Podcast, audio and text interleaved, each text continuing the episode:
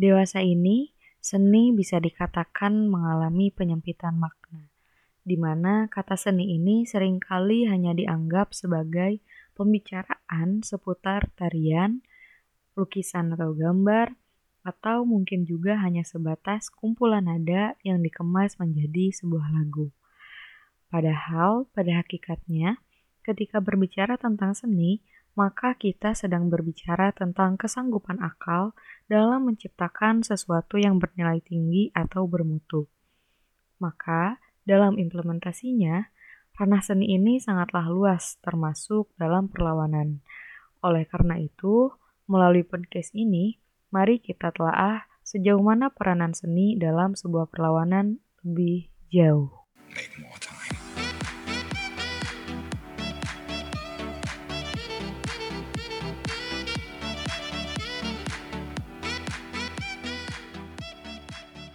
Ya balik lagi dengan saya Salolia Mulkansyah di podcast Soperta Berdialektika. Episode kali ini ada yang sedikit berbeda yaitu saya sebagai moderator dari Kastronya tidak sendiri nih. Ada rekan saya yaitu Kang Naufal. Ya, halo semuanya. Seperti yang disebutkan di prolog tadi bahwa melalui episode ini kita akan membahas tentang melawan dari perspektif seni.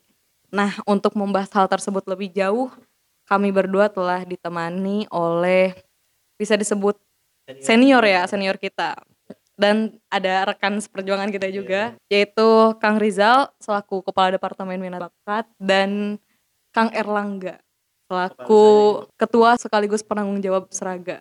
Gimana nih kabarnya Kang Rizal? Alhamdulillah baik sehat walafiat lah. Kalau sendiri gimana kabarnya? Nah, alhamdulillah ngelihat ngelihat Kang Rizal yang apa ya bisa dikatakan bahagia. menyebarkan energinya tuh bahagia gitu ya pengen ketawa. Jadi saya juga ikut ikut sehat sih ngelihatnya. Kalau Kang Erlangga sendiri, gimana nih kabarnya Kang? Ya, uh, alhamdulillah ya baik, uh, sehat walafiat juga sama kayak Kang Ijal. Uh, udahlah gitu aja ya. kalau dari Kang Rizal sendiri kesibukannya kalau Gedung Gora akhir-akhir ini apa? Kalau ditanya kesibukan sih, kebetulan saya angkatan 2017 kan. Sekarang lagi masa-masanya KKN gitu kan. Meskipun KKN-nya mandiri di di rumah sendiri lah insya Allah lah.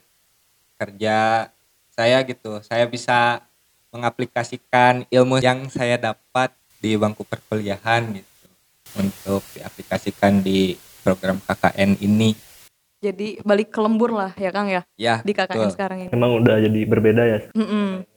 tapi justru itu lebih aplikatif ya soalnya langsung dirasakan sama masyarakat sekitar rumah Akang sendiri gitu ya?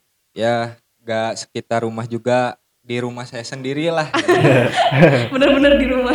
Ya mungkin dari Kang Elang kesibukannya kalau dari saya ya akhir-akhir ini kan gara-gara pandemi kehidupan sosialnya jadi kurang ya. Yeah. Karena kita harus uh, physical distancing kan ya. Jadi kesibukan akhir-akhir ini paling ya nyari-nyari kesibukan soalnya ya gak ada kesibukan. Iya benar rebahan, ya, nolep gitu ya.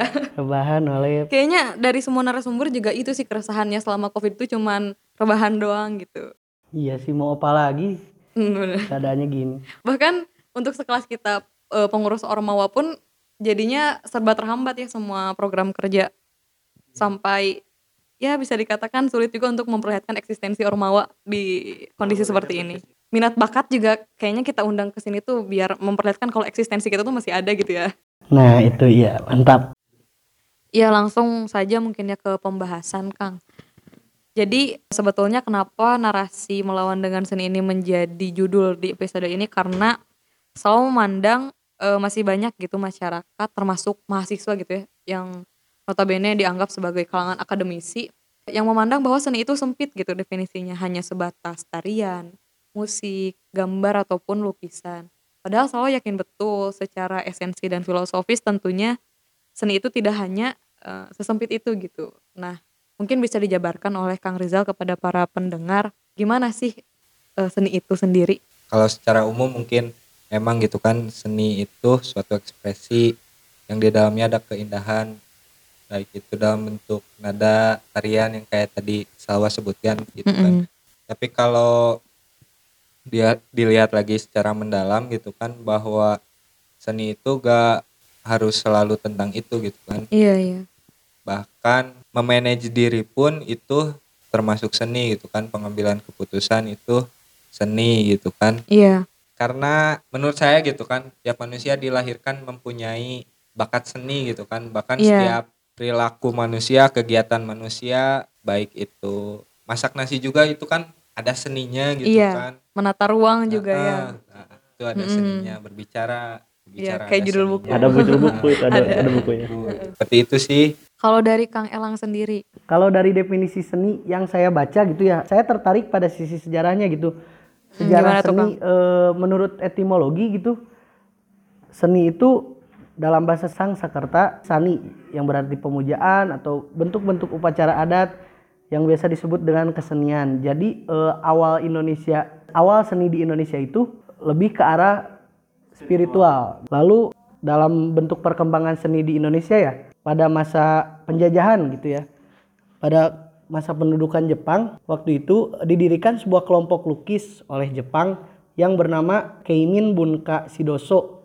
Itu tuh sebagai propaganda pembentuk kekaisaran Asia Timur Raya. Nah, jadi dipakai alat politik juga berarti seni itu ya. Iya, seni itu dipakai alat politik juga. Lalu pada masa-masa kemerdekaan gitu ya, pada masa Presiden Soekarno, sekarang kita banyak mendengar lagu-lagu wajib nasional. Mm-mm, Nah itu juga salah satu bentuk perlawanan dalam seni gitu. Iya, iya, iya. Kayak apa ya? Bandung Lautan Api itu Nah, kan itu eh, Bandung apa ya? Api. Merekam sejarah perlawanan masyarakat Bandung eh, yang di apa ya? Diturunkan kepada kita Nah. agar tidak lupa sejarah melalui lagu gitu ya. Nah itu itu salah satu fungsi seni dalam cakupan yang lain ya.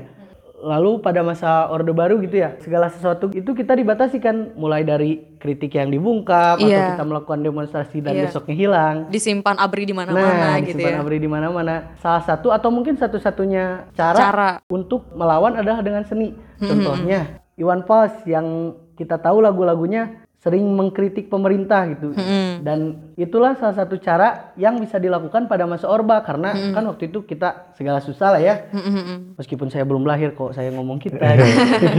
Dan Ya berdasarkan literatur nah, gitu iya berdasarkan literatur ya. Hal itu juga yang tadi disampaikan itu Iwan Fals melawan dengan seni itu menginspirasi menginspirasi anak-anak muda zaman sekarang nih untuk ya, Hmm, mengembangkan milenial. potensi seninya untuk gitu ya. mengembangkan potensi seninya. Untuk melawan. Nah, dalam bentuk perlawanan. Mm-mm. Untuk contoh-contohnya gimana Kang Rijal apa aja nih? kalau yang saya tahu gitu kan kalau di zaman sekarang gitu kan anak-anak milenial gitu mungkin band yang paling sering didengar gitu kan dan lagu-lagunya menyentil pemerintah gitu Iya. mungkin salah satunya Fish gitu kan dengan Mm-mm.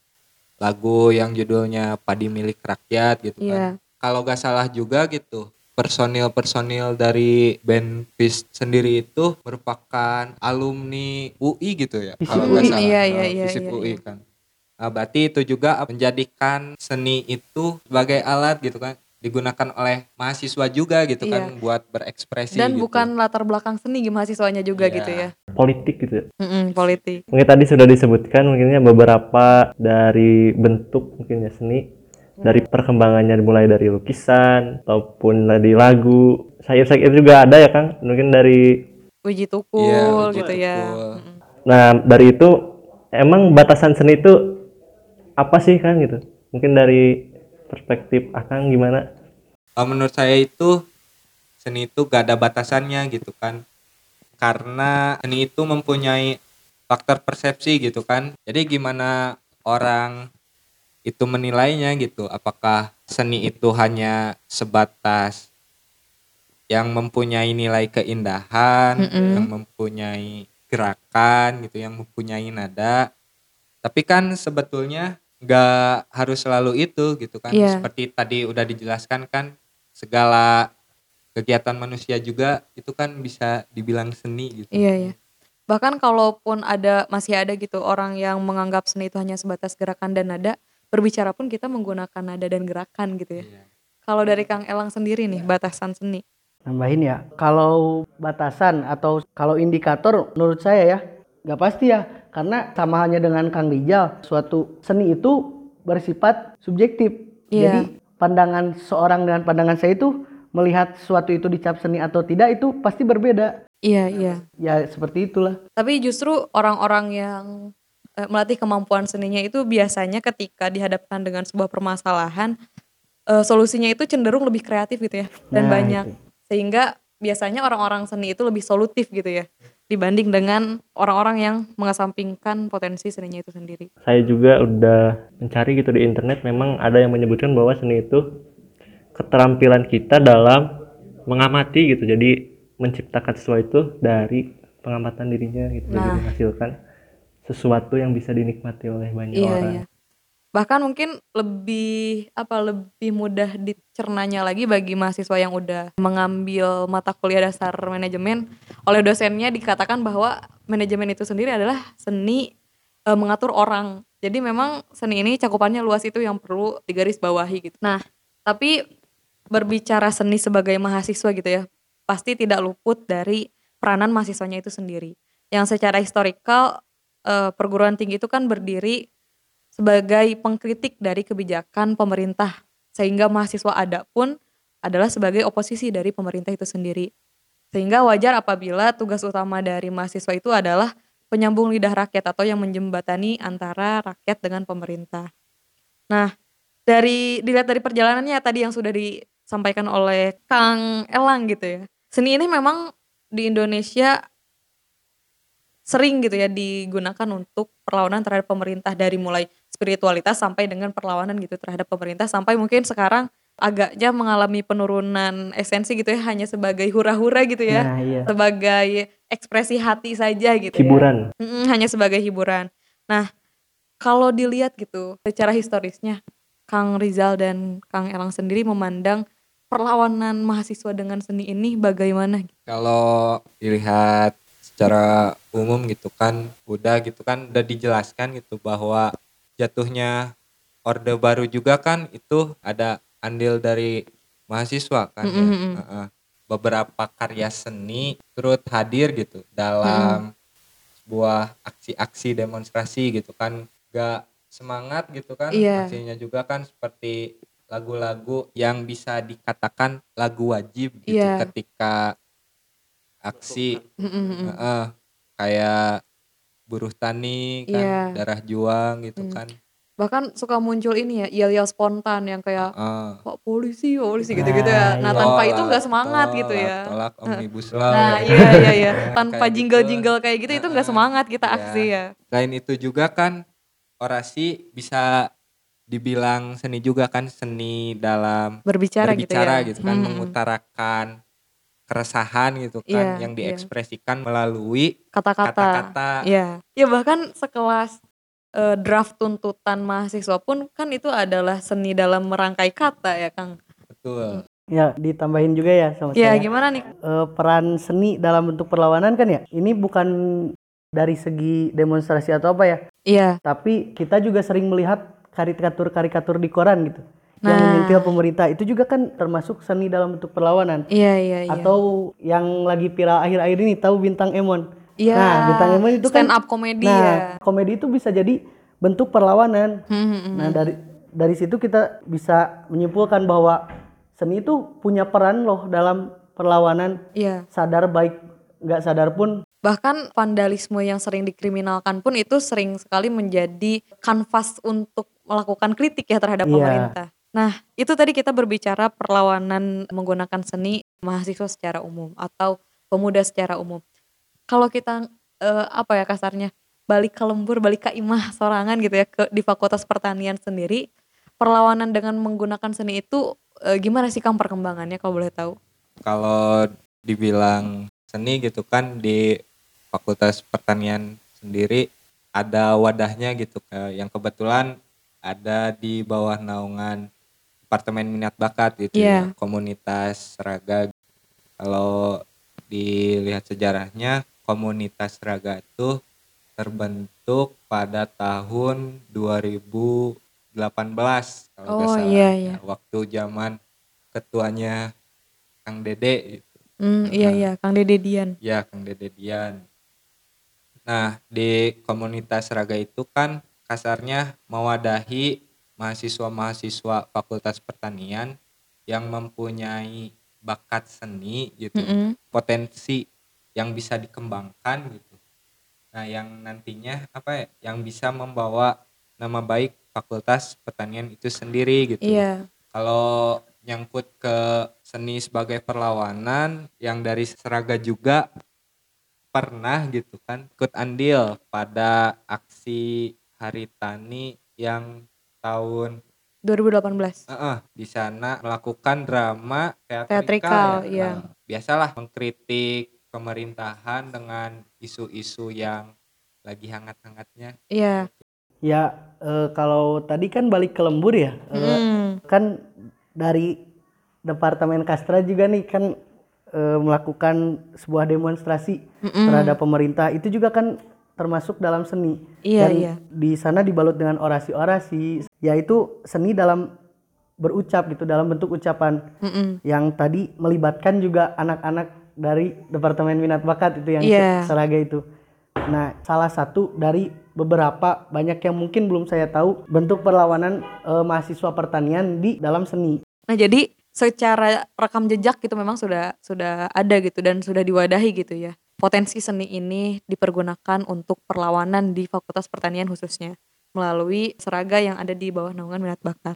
Nah, tapi eh, muncul lagi pertanyaan kalau dari sudut pandang Kang Rizal dan juga Kang Elang gitu selaku yang memang memiliki wewenang gitu ya untuk mengembangkan potensi seni yang dimiliki oleh eh, mahasiswa Fakultas Pertanian Bagaimana sih Kang Rizal dan Kang Elang ini memandang efektivitas seni di Fakultas Pertanian yang digunakan untuk melawan itu tadi? Sudah sejauh mana efektivitasnya? Kalau efektivitas ya, Iya, kalau efektif dibilang efektif, saya belum bisa menjawab itu efektif atau tidak, tapi sudah bisa kita rasakan gitu. iya, beberapa hasilnya seperti yang tadi teatrika atau bentuk-bentuk lainnya. iya, Tapi permasalahannya seraga itu belum terlalu mengarah ke arah sana dan sehingga si pergerakan perlawanannya itu belum kontinu jadi masih Mm, eh, bersifat insidental. iya, iya. Tapi mungkin itu menjadi PR bersama ya, bukan Iya. hanya seraga dan juga minat bakat, tetapi juga eh, mahasiswa pertanian secara keseluruhan karena mengingat tadi gitu ya definisi seni itu kan luas sehingga semua orang pun eh, bertanggung jawab atas seni ini gitu. Nah, itu Dan bagaimana dia menggunakan seni itu ke arah mana gitu. Nah, iya itu itu menjadi PR kita bersama mungkin. Maka dari itu suatu permasalahan ini bukan bukan tanggung jawab Bukan kita tanggung juga jawab. jadi tugas dari Seraga itu tersendiri mungkin Mm, ya mm, mm. tapi tugas bersama kita itu sebagai mahasiswa Fakultas Pertanian Iya. yang kebetulan mempunyai basic seni Ya, gitu. potensi seni lebih gitu potensi ya. seni lebih ayo mari kita apa ya kita gunakan gitu sebagai perlawanan gitu kan wadah seraga ini tuh. nah wadah seraga ini bisa dipakai gitulah sebagai media Untuk menjalankan fungsi mahasiswa gitu ya. Betul, Tadi betul. sebagai oposisi dari pemerintah gitu ya. Jadi eh, diharapkan melalui podcast ini tuh gak ada lagi lah nanti mahasiswa pertanian yang ngerasa minder. Wah eh, kayaknya eh, urusan mengkritik pemerintah itu adalah urusan orang-orang yang memang orator gitu. Atau enggak yang senang aksi gitu. Yang senang seni juga bisa gitu ya. Menjalankan fungsinya sebagai mahasiswa tadi. Sebagai Karena oposisi pemerintah. mungkin orang-orang itu ngerasa bentuk perlawanan itu harus dilakukan secara langsung tatap Nah. muka ataupun Nah ya benar-benar. sesuatu yang bersifat langsung lah. Padahal seni juga bisa perlawanan dalam seni juga bisa dalam bentuk tidak langsung gitu seperti kita menggambar sesuatu kan itu kita tidak harus Turun Menyampaikan langsung. secara langsung. tapi biarkan si karya saya nih yang menyampaikan berbicara Nah, gitu ya. gitu. Nah, jadi mungkin itu ya yang harus dirubah dulu paradigma tentang perlawanannya itu sendiri gitu. Nggak harus se ekstrim itu gitu memandang kata perlawanan tuh gitu. Karena memang pada hakikatnya itu memang sudah menjadi tugas kita ketika kita menyanggupi sebagai mahasiswa, menyanggupi status sebagai mahasiswa maka sudah selayaknya kita menjadi oposisi dari pemerintah gitu. Nah, tapi ada lagi juga yang harus menjadi titik tekan kepada para pendengar bahwa suka ada yang ngomong gini nih Kang, ah bagi peran aja, saya mah akademisi, sok aja yang organisatoris, eh, yang mengkritisi. Padahal mau akademisi mau organisatoris itu kan sama-sama mahasiswa ya. Tidak ada perbedaan status sama-sama mahasiswa berarti fungsinya tetap sama secara historikal tadi. Sehingga yang perlu dipahami itu berbagi perannya tuh bukan siapa yang mengkritik dan siapa yang tidak, tapi jalan mana yang mau dipakai untuk mengkritik ya. Hmm. Jadi semua mengkritik, tapi caranya berbeda-beda gitu. Ada yang lewat prestasi mungkin, ada yang lewat karya tulis ilmiahnya mungkin gitu ya. Ada juga yang lewat seninya tadi. Kalau di Seraga gitu ya, musik, tari, syair mungkin yang bisa dibacakan oleh para orator gitu. Kalau misalkan di kastradnya aksi gitu atau audiensi atau naskah akademik itu tadi e, berbagi perannya bukan siapa yang mengkritik dan siapa yang tidak tapi semua mengkritik hanya caranya bagaimana gitu. Mungkin sebelum podcast ini ditutup ada pesan gitu yang ingin disampaikan dari narasumber kita nih Kang Elang dan Kang Izal kepada para pendengar terkait tema melawan dengan seni ini gimana gitu biar orang-orang yang potensi seninya ini kuat tidak merasa minder gitu untuk tidak melakukan perlawanan gitu, tidak mengeluarkan keresahannya gitu. Ya pesannya gitu ya dari pembicaraan ini gitu untuk para pendengar nantinya supaya jangan berpikiran bahwa oh yang bisa mengkritik tuh hanya orang-orang yang organisatoris atau Iya. orang-orang yang ada di bidangnya. Mm-mm. Tapi semuanya juga bisa mengkritik. Cuman caranya atau bentuk dari kritiknya berbeda. Sesuaikan ya gitu. Nah, gitu. jadi jangan sampai ada pikiran bahwa saya kan orang yang kupu-kupu kuliah pulang kuliah pulang. Mm-mm. Terus dari mana saya bisa eh, melakukan hal-hal seni atau dalam bentuk perlawanannya atau dalam bentuk kritikannya? Karena suatu kritik itu bersifat luas, bisa dilakukan Iya. secara langsung dan tidak langsung. Jadi lebih kepada pola pikirnya yang Dirubah gitu ya. dirubah seperti itu. Hanya sesederhana membuat status WhatsApp saja juga itu bisa berupa kritik gitu ya Nah, sebenarnya. itu. Mungkin ada lagi nih Kang Elang sama Kang Noval yang harus dititik eh, beratkan. Kadang ada juga yang berpikir berbagi perannya tuh bukan siapa yang mengkritik dan siapa yang tidak, tapi ada juga yang kayak gini. Siapa yang ke atas ke pemerintah dan siapa yang langsung ke bawah kepada masyarakat. Nah, padahal menurut saya pribadi gitu ya kalau melihat dari se- secara historikalnya bagaimana, lalu juga di podcast sebelumnya dibahas tugas dari mahasiswa itu apa, bukan berbagi peran siapa yang ke atas siapa yang ke bawah, tapi dua-duanya harus dijalankan setiap mahasiswa tuh gitu. Dua-duanya harus ke atas, dua-duanya harus ke bawah. Cuman di mana fokusnya itu mungkin yang menjadi pilihan. Misalkan tadi ya secara langsung dan tidak langsung, misalkan e, memilihnya kalau ke atas secara tidak langsung, tadi mungkin lewat tulisan, lagu, e, karya tulis atau apa pun itu. Kalau ke bawahnya misalkan mau secara langsung turun ke masyarakat, mungkin di sana bentuk pilihannya, bentuk berbagi perannya gitu ya. Bukan ya udah itu mah ke atas mah urusan kastrad saya urusan ke bawah aja. Nah bukan kayak gitu tapi semua harus ke atas semua harus ke bawah. Cuman pilihannya mana yang mau secara langsung dan mana yang eh, mau secara tidak langsung gitu ya Ya, Setuju sih. Ya setuju. Jadi yang harus ditekankan itu dari tadi juga pola pikir dari orang-orang nah itu. orang-orang ini gitu. iya iya. Bahwasanya ya semuanya gak harus berpikiran denial. Setuju sih wah memang hakikatnya kita mau itu secara langsung atau tidak langsung proses penyadaran lah gitu. Iya iya. Maupun itu langsung atau tidak langsung kan memang tujuannya itu proses penyadaran. Maupun ke atas kan itu menyadarkan pemerintahnya. Iya kalau ke bawah itu iya. kita menyadarkan masyarakatnya. masyarakat iya Jadi, iya iya mau itu secara langsung atau tidak langsung ya emang tujuannya itu gitu. ya titik poinnya adalah Titik poinnya penyadaran adalah termasuk penyadaran. podcast ini gitu ya tadi Iya. kalau Iya. yang dibilang sama Kang Elang adalah penyadaran juga buat para pendengar dan kita juga sih sebenarnya para pembicara Iya. nampar juga gitu ya iya sepakat gimana nih kalau dari Kang Rizal Eh, kalau dari saya sendiri mungkin ya eh, mari berimajinasi, mari berekspresi untuk menghasilkan karya seni yang bermanfaat untuk negeri. Ikan hiu dimakan Yuni, yuk melawan dengan seni. Wih, mantap nih. Closing statementnya aja juga seni sekali ya dari Kang Rizal. Ya mungkin pembahasan kali ini dicukupkan sekian. Terima kasih kepada narasumber khususnya ke Kang Rizal dan Kang Elang. Ya jadi diharapkan melalui podcast ini para pendengar bisa menganggap bahwa seni itu bukan hanya sekedar eh, hiburan belaka gitu ya, lebih ke arah bagaimana kita menciptakan seni itu menggunakannya mau ke arah mana gitu ya, lebih ke tujuannya bisa juga tadi khususnya ke perlawanan. Terima kasih kepada yang sudah mendengarkan. Jika kalian mendapat kebermanfaatan dari podcast ini, bisa disebarkan dan sampai jumpa di podcast selanjutnya. comment, subscribe. Make more time.